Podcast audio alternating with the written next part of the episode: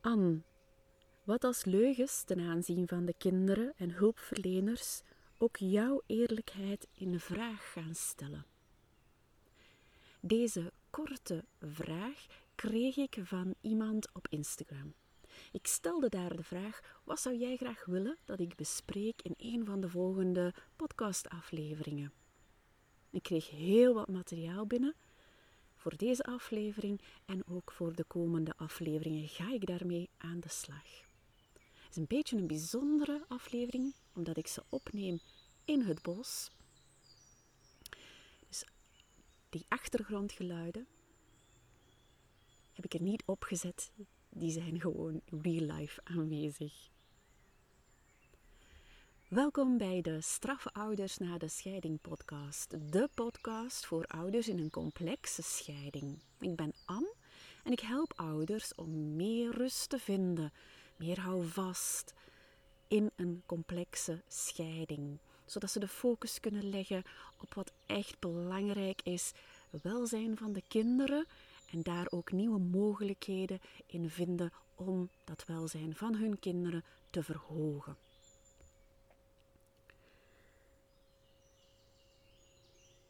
Maar ja, wat als er leugens zijn? Wat als er rondom heel wat gebeurt, waardoor jij wel denkt aan het welzijn van de kinderen, maar je wordt niet meer geloofd?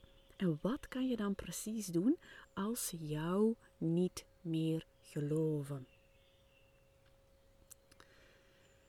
De effecten van zo'n leugens en dat jij jezelf in vraag voelt gesteld worden door je kinderen, door hulpverleners, door mensen rondom jou, heeft heel onaangename effecten. Anders zou deze persoon deze vraag niet stellen. Deze ouder ziet ervan af. Ik zie ouders die daar ziek van worden. Ze gaan zichzelf voortdurend willen verantwoorden van ja, dat is niet gelogen wat ik zeg. Wat ik zeg is waar. En op die manier blijven ouders in cirkels draaien. Ze blijven draaien, draaien om zichzelf te verantwoorden, telkens opnieuw en opnieuw tegenover deze leugens. En doordat je zo in cirkels blijft draaien, ga je ook wakker liggen daarvan. Je gaat niet meer reflecteren over wat er gebeurt, maar je gaat piekeren over wat gebeurt.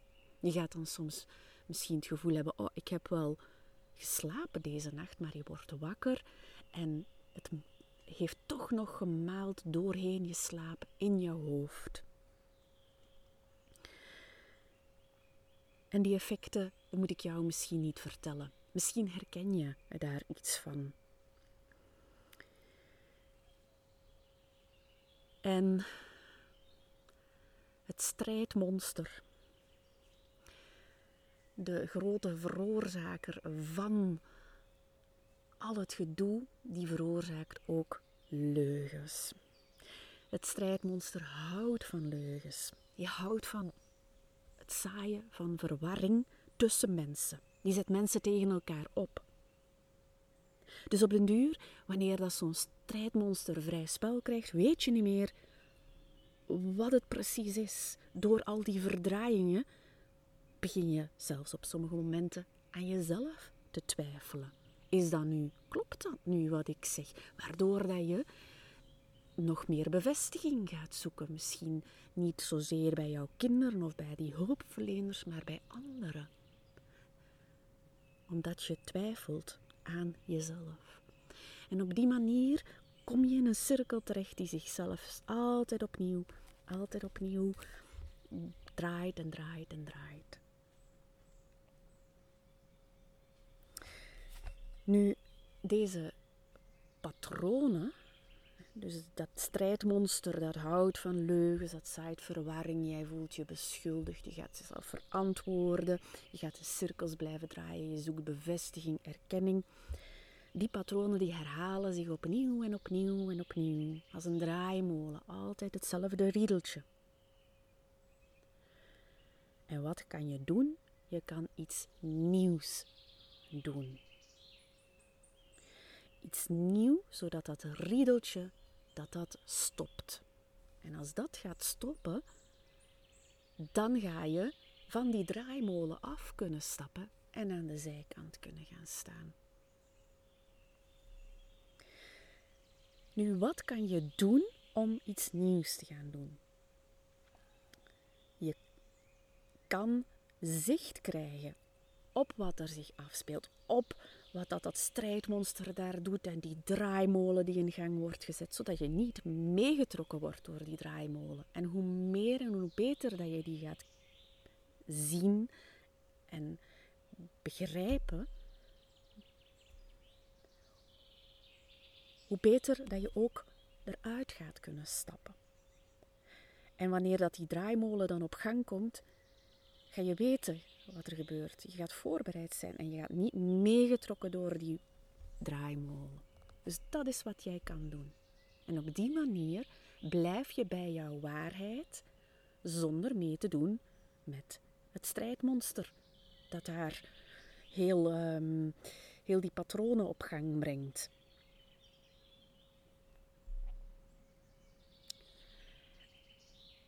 Dus dat is iets nieuws.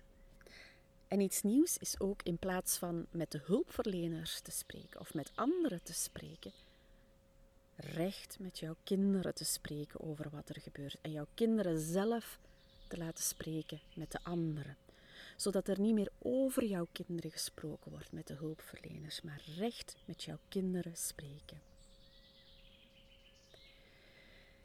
Waarom is dat belangrijk?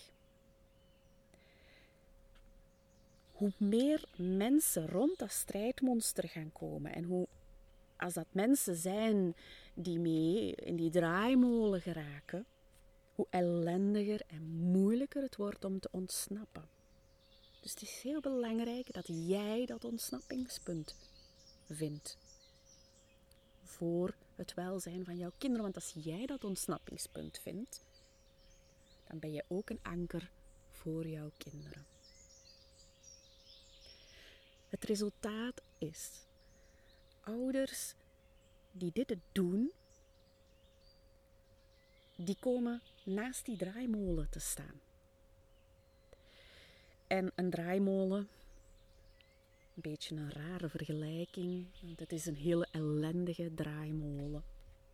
Het is geen molen van op de kermis waar je graag opgaat als kind. Het is een orkaan. En als jij dan daarnaast gaat staan en je hebt het door wat die orkaan doet, je ziet hoe dat, dat werkt, die patronen, ik noem dat patronen, want die herhalen zich, die herhalen zich, die herhalen zich. Hoe meer dat je dat gaat begrijpen, hoe meer voorbereid je ook gaat zijn En wanneer je dan in gesprek gaat met een hulpverlener of met jouw kind, ga je spreken vanuit die, de kant. Dus niet meer op die molen, niet meer in die orkaan, maar vanuit de kant. En dat is een plek waar je veel helderder zicht hebt op wat er zich gebeurt, waardoor dat je ook andere effecten gaat zien in relatie met de hulpverleners en in relatie met jouw kinderen. Je gaat spreken met hun vanuit een plek waaruit je weet, ik ga niet op die draaimolen stoppen. Want dat is niet gezond. Dat is niet gezond voor mij, voor mijn kinderen, voor onze relatie. Dus ouders die dit doen, die voelen zich veel rustiger wanneer ze gesprekken doen met hulpverleners. Die gaan ook meer durven bespreken met hun kinderen. Waardoor dat ze er niet ziek van worden. Die ontsnappen uit die nare effecten van die leugens. En de relatie met hun kinderen wordt beter. Voilà. Dat is wat ik wou delen. Het is een hele kortige, korte en krachtige, had ik direct samengevoegd omdat ik. Ja, dat is de essentie gewoon. En Ik heb die in minder dan 10 minuten heb ik die aan jou verteld. Dus dat is uh, heel efficiënt. Wanneer je zegt, Anne, hmm, ik wil daar wat meer over weten,